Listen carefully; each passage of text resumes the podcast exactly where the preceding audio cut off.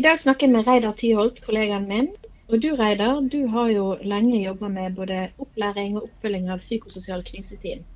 Eh, nå er jo vi inne i en spesiell tid i Norge med koronavirussituasjonen. Hva tenker du, hvordan kan psykososiale kriseteam jobbe i disse tider? Ja, eh, kriseteamene jobber vel stort sett sånn som de pleier å jobbe, tror jeg. Eh, mye av kunnskapen og grunnlaget for kriseteamene det har vi jo snakket om i opplæringen, og det er jo den samme som vi har nå. Men kanskje akkurat måten kriseteamet møter folk på, vil jo være litt annerledes. Eh, og dette gjelder ikke bare de som eh, der hvor folk er smittet eller syke av korona. Men dette gjelder jo alle de situasjonene der kriseteamene må være forsiktige pga. smittefaren. Sånn at de må holde avstand, sånn som myndighetene har bedt oss om å gjøre. Eh, og da blir det ekstra utfordringer for kriseteam, tenker jeg. Mm, ja. ja, fordi det blir jo en litt annen type kontaktetablering hvis de skal eh, altså forsikre seg i forkant av at ingen er smitta, av at det er trygt å gå inn. Hvordan skal de beskytte seg, hvordan skal de beskytte de som de treffer, de, og når de i tillegg kanskje er, sannsynligvis er i en livskrise allerede. Ja, og det er jo det som er spesielt. Jeg tenker akkurat Det er den her kontaktetableringen. Den aller mm -hmm. første kontakten. Det er den som er spesielt utfordrende. Mm. Uh, og det, I vanlige tilfeller så vil jo folk fra kriseteamet kanskje bare to stykker, kanskje flere, møte de som er da rammet eller berørt av en eller annen voldsom hendelse. Møte dem eh, i eh, levende live eh, ved å oppsøke dem, ved å være til stede i rommet eller i området der de er, og snakke direkte med dem. Men her tenker vi oss at vi Eh, kriseteamene må arbeide ved at de har avstand, enten da fysisk avstand på noen meter, eller jeg tror i veldig mange tilfeller så vil de arbeide på telefon. Det vi har hørt nå i det siste når vi har hatt kontakt med kriseteam, er at arbeidet foregår på telefon, eller i noen tilfeller på billedtelefon. Så jeg tenkte vi kunne snakke litt akkurat om det med å ta kontakt med folk som man ikke kjenner. Det er den ene siden ved det og folk som sannsynligvis er uh, opprørt, berørt, redd, uh, sorgtunge, sliter veldig fordi at de har opplevd noe tungt i tillegg. Ja, og hva tenker du, altså Det er jo noe som kriseteamene i utgangspunktet er gode på, men er det særlig hensyn de må ta nå i denne tiden? Ja, jeg tror det. Fordi at som vi har snakket om når vi har jobbet med kunnskap om hvordan kriseteam kan arbeide, så er det slik at folk som er spesielt berørt av, av voldsomme hendelser, de har en annen måte å oppleve omgivelsene på. Eh, mm. De, kanskje, eh, de, er kanskje veldig opptatt av sine egne følelser. De har tanker som raser i hodet. De er kanskje mm. kroppslig urolig. Og folk som arbeider i kriseteam, de vet om dette en hel del. Slik at de mm. bruker tid når de møter folk, så bruker de tid på å roe folk ned. De bruker tid på å gjerne normalisere en del sterke følelser. Og de bruker mm. litt tid på det som vi kaller psykoedukasjon, nemlig å fortelle folk om at dette som man opplever nå, det vil kanskje alle oppleve. Eh, og så er det spørsmål om hvordan kan man liksom komme gjennom den første tiden. Så jeg tenker det å ta dette på telefon er en stor utfordring. Det er noe man mm. helst ikke skulle gjøre. Sant? Mm. Så når du tar det på telefon, så tenker jeg at en del av de forholdsreglene du må ta, det dreier seg f.eks. bare om å forsikre seg om uh, hvor er du henne nå? Eh, er det mm. andre i rommet der? Hvis det er andre i rommet der, skal vi gjerne snakke litt om er det, eh, er det greit at vi tar denne samtalen når det er andre i rommet der? Hvem mm. er de i rommet der? Er det voksne? Er det barn? Er det eldre? Er det folk som har hørselsproblemer? Mm. Eh, hvis vi skal ha andre der, så må vi gjerne bare si hei til de andre som er der. Eh, og kanskje skal vi si at nå tar vi en samtale bare med deg som ringer, eller vi som ringer til deg, og så kan vi snakke med de andre i egne samtaler etterpå. Så det er en del mm. sånne ryddeting som vi må tenke på, hvordan vi skal forholde oss til de eh, som er i andre enden. Mm. Så det er klart at det blir jo en del ekstra utfordringer. Vi er jo vant til å bruke kroppen vår til å hjelpe andre til å regulere seg òg. Gjennom å gi ro gjennom våre bevegelser og, og vår stemme. Ja. og sant, så risikerer du tekniske utfordringer. Man er ikke i samme rom. Det er klart at det blir eh, en, en, litt annen måte å jobbe på, ja. Ja, det gjør det. Så jeg tenker at, at når kriseteamet tar kontakt i første omgang, så kan man gjerne ha det som et litt spørsmålstegn for seg selv som kriseteam. Skal, går dette an? Er det mulig? Kan vi få det til? Um, mm. Skal, vi, skal, vi, fortsette å gå inn i den samtalen, som vil være den første kontaktsamtalen vanligvis. Eller skal vi på en måte bare snakke litt løst og fast om det er mulig å gjøre dette på telefon? Om vi skal gjøre det nå? Om vi skal eventuelt avtale og ringes igjen om en stund eller i morgen? Og så at vi tar korte samtaler til å begynne med. Jeg tror det kan være en, en plan som man kan ha. At istedenfor liksom uh, å dra hjem til noen og sitte der en time og snakke, så kan vi kanskje tenke oss at vi skal heller ha flere korte samtaler. Kanskje med varighet på 5-10-15 minutter, og så komme mm. tilbake litt raskere. Så det blir et annet format på det å arbeide på denne måten. Mm, mm. Ja, En ting som du har nevnt, det er jo det alternativet som eh, er jo kanskje å jobbe gjennom noen som faktisk er til stede sammen med de berørte. Altså at, ja. man, at man, jobber via en kontaktperson eller som, noen som de berørte har faktisk ja. uh, direkte det, kontakt med. Det, vet vi at det er flere kriseteam som har prøvd og som anbefaler at hvis du har en familie som er berørt, der er kanskje barn, der er gjerne flere voksne, kanskje det er noen eldre mennesker uh, mm. som kanskje til og med har utfordringer med hørsel, la oss si det, uh, og mm. da å sitte og snakke til en telefon på en høyttaler, spørs hvor god kvaliteten er, kan være veldig utfordrende på mange måter. Og det da å forhøre seg, altså når en vet at her er det mange personer, og det er gjerne forskjellige ting vi skulle hatt lyst til å, å prate med, med, de forskjellige om, undersøke litt er det noen i denne gruppen som er vant til å gjøre telefonsamtaler med litt uh, tungt innhold. Kanskje det er til og med noen som er vant til å gjøre telefonkonferanser, videokonferanser, sånn at de er litt fortrolige med formatet. At ikke de blir så mm. på en måte ekstra belastet av at det går gjennom en teknisk dings. Mm. Og hvis du, hvis du, mm. finner en sånn person, så kan en gjerne si som så det at ok, uh, kanskje vi da skal rett og slett gjøre det sånn at vi stopper nå, og så ringer jeg tilbake til bare den personen, og så avtaler vi litt hvordan vi går videre. Men igjen, her er det mange hensyn å ta. Um, det er viktig også, som alle kriseteammedlemmer vet, når du snakker med noen som er berørt og rammet, uh, prøv å finne litt ut hva det er som har skjedd, hvem er det som kanskje er mest berørt av dette. Det kan jo hende at personene i samme rom egentlig har litt forskjellige behov og litt forskjellig tilknytning til det voldsomme som har skjedd. Så en har mm. mange forskjellige utfordringer akkurat oppi dette. Det at du bringer inn en telefon, er en ekstra utfordring.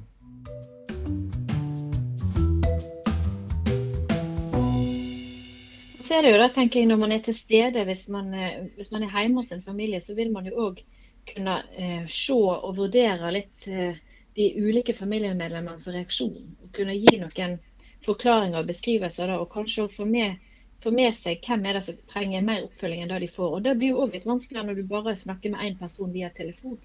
Ja, Det er et veldig godt poeng, Linda. Jeg tenker også at Ehm, at når du, når du ikke kan uh, være i rommet, ikke kan observere kroppsspråk, ikke kan se reaksjoner, f.eks. at det feller en tåre, eller at man, blir, man snur seg vekk, eller kanskje noen til og med forlater rommet, så har du mange utfordringer på det punktet der. Og Det som er veldig mm. fint, er hvis de som jobber fra kriseteamets side, kan, kan være ganske sånn åpne på dette. F.eks. å si det at mm. hvis, hvis du synes dette er tungt, hvis du ikke orker å være i rommet, hvis du snur deg vekk eller eller skjuler uh, hodet i ansiktet i hendene dine. veldig mm. fint om du sier ifra om dette. Eh, mm. Fordi at jeg kan jo ikke, jeg kan ikke være der og kanskje observere deg hvis det er vanlig telefon. Så, så mm. du må liksom gjerne være litt mer tydelig på, at, på, disse signalene som ikke er språklige signaler. Og det går jo an da for, for de som er fra Kristims sin side å si at, at, jeg vet at når jeg snakker om sånne ting, så blir ofte ansiktet mitt veldig sorgtungt. Og når jeg er i nærheten av en person, så, så vil det være naturlig at de observerer det og sier det at nå kan jeg se på deg at, at du er lei deg. I vanlig telefon så mm. Kan kan ikke du oppfatte sånne signaler så lett. Så mm. jeg tenker at både det å ja, å, snakke konkret, adressere dette med at reaksjoner de er ikke alltid så lett å formidle bare gjennom telefon. Mm. Mm. Og så, jo, så, kan vi jo også si da at nå er det jo flere og flere uh, leger, psykologer og andre som også bruker billedtelefon i disse tider. Uh, mange ja. av oss har FaceTime uh, eller har, har, smarttelefoner der det finnes FaceTime, Messenger osv. Uh, og, mm. og i mange tilfeller kan dette hjelpe oss et stykke på vei. Vi kan observere de personene som, som er til stede. Så la oss bare snakke et lite øyeblikk om akkurat hvordan det fungerer. For jeg tenker ja. at disse hjelpemidlene her med både bilde og lyd de er gode hjelpemidler, og de kan være veldig nyttige for oss. Men de kan også mm. være veldig fremmede for mennesker som ikke er vant til å gjøre dette. Jeg tenker at hvis du hvis du har familiemedlemmer der noen aldri har brukt bildetelefon før, så vil det også være et ekstra fremmedgjørende element. Og så vet vi jo det at uh, når mennesker er veldig sterkt berørt, kanskje veldig uh, uregulert, som vi sier, altså de er veldig satt ut, da har de et veldig innsnevret uh, oppmerksomhetsfelt. Og hvis du attpåtil introduserer nye tekniske løsninger som bildetelefon, så kan det godt tenkes at noen folk fullstendig kan du si, mister tak i, i kommunikasjon. De blir mer opptatt av dingsen og bildene enn det som faktisk sies. Så utfordringen for deg som kriseteammedarbeider er jo da å prøve å sjekke ut med folk hvordan er dette. Har du snakket med folk på billedtelefon før? Er det veldig rart? Syns du det er veldig løyent uh, at du ser meg? og sånn, har du, har du, tenkt på det? Hvis dette er veldig vanskelig, så kan vi kanskje slå vekk bildet, og så at vi bare bruker lyd. For folk flest er jo vant til å snakke i vanlig telefon. Mm, mm. Og Da kan man jo gjerne sjekke ut i forkant òg. Hva passer deg best? Hvordan har du lyst til å gjøre dette? her? Absolutt. Og så er det jo også sånn at Hvis du har på bildetelefon, så vil de jo også se deg som kriseteammedarbeider. Ja. Så da er det jo viktig mm. at du tenker litt også på hvordan uh, det ser ut der som du er. Altså Sitter du uh, mm. alene i rommet? Kanskje er det greit for deg å si som så det at det er bare meg som er her nå. Vi tar ikke opp dette. Uh, sånn at ikke ja. du trenger å være bekymret for akkurat den biten av det. Kanskje det er lurt for deg også at du tenker deg litt om på hvor er det du befinner deg når du tar denne samtalen. Uh, hvis du sitter mm. i et rom der det er masse andre ting som man kan feste blikket på, så vil det jo kanskje være slik at folk som da strever egentlig med å være fullstendig til stede i situasjonen. At de kanskje fester blikket veldig på noe som står på skrivebordet ditt, eller noe som henger på veggen din, eller en eller annen rar dings som ikke de skjønner hva er for noe. Og så blir de sittende og se på det istedenfor å ha kontakt med deg som er den personen på bildet der. Ja. Så det er rett og slett lurt å tenke litt igjennom hvordan ser det ut der som du er. Um, er du såpass nært uh, kamera eller telefonen at de faktisk kan se ansiktsuttrykket ditt? Eh, er lyset sånn at de faktisk ser øynene dine eller ser mimikken din? Eh, hvis du er veldig langt vekke, så er du kanskje bare en rar figur eh, et eller annet sted unna. Og da kan det kanskje være bedre å bare bruke lyden på det hele. Ja, ja. Og det er jo sånn da å sjekke ut at alt det tekniske virker før du går i gang. Absolutt. At du er sikker på at dette har du kontroll på. Ja. For det er, som du sier, at folk er allerede i krise, og da, da trenger man ikke um, ekstra ting som ikke virker eller som ikke fungerer. Og så blir jo vi sjøl stressa òg hvis ikke vi får til ja. det vi har tenkt å gjøre. Det har du helt rett i. Ja. Så, så, Derfor er det jo en veldig god idé at du som kriseteamarbeider eh, faktisk er litt fortrolig med denne måten å arbeide på. Hvis du syns bildtelefon, ja. bildkonferanse er vanskelig, så vil jeg jo absolutt si at glem det tekniske. Snakk på vanlig måte i vanlig telefon, men bruk litt ekstra tid på det som vi nevnte her i sted, nemlig sjekke ut hvordan folk har det, hvordan de er, eh, hvor mange som er i mm. rommet, rydde litt plass og sånn. Og Det går fint an å ta mm. en samtale. Første samtale, bare ta en ryddesamtale, en avklaringssamtale. Uh, finne ut hvem som er der. Ta restoppfølgingen i, i flere porsjoner. Og så mm. kanskje kan vi jo da nevne at det er ikke alltid det går an å gjøre det på telefon.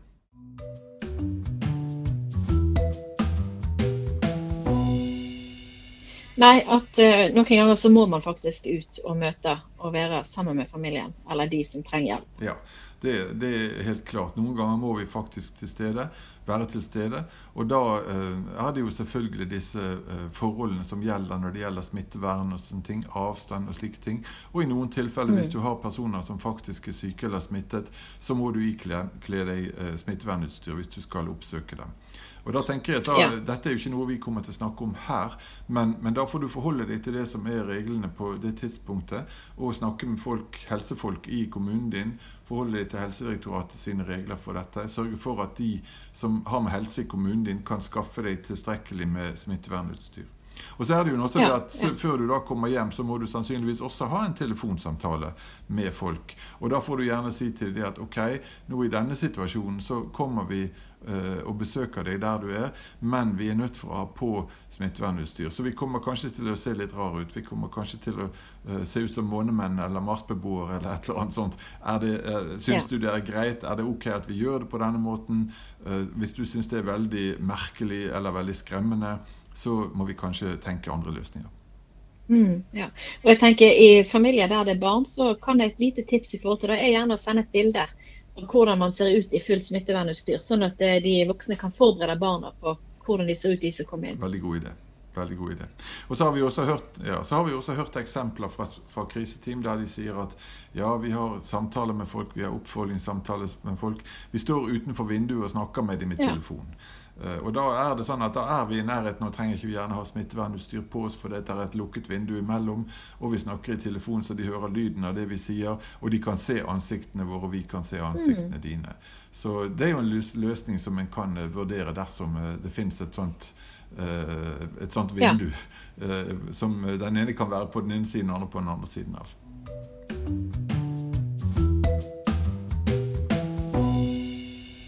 En annen ting som jeg har eh, bitt meg merke i, som eh, jeg har jobba mest med barn og unge, da, er jo at faktisk eh, kan du gi ganske god hjelp og støtte via type chat eller SMS, eller altså Absolutt. uten stemme og uten lyd, men bare gjennom tekst.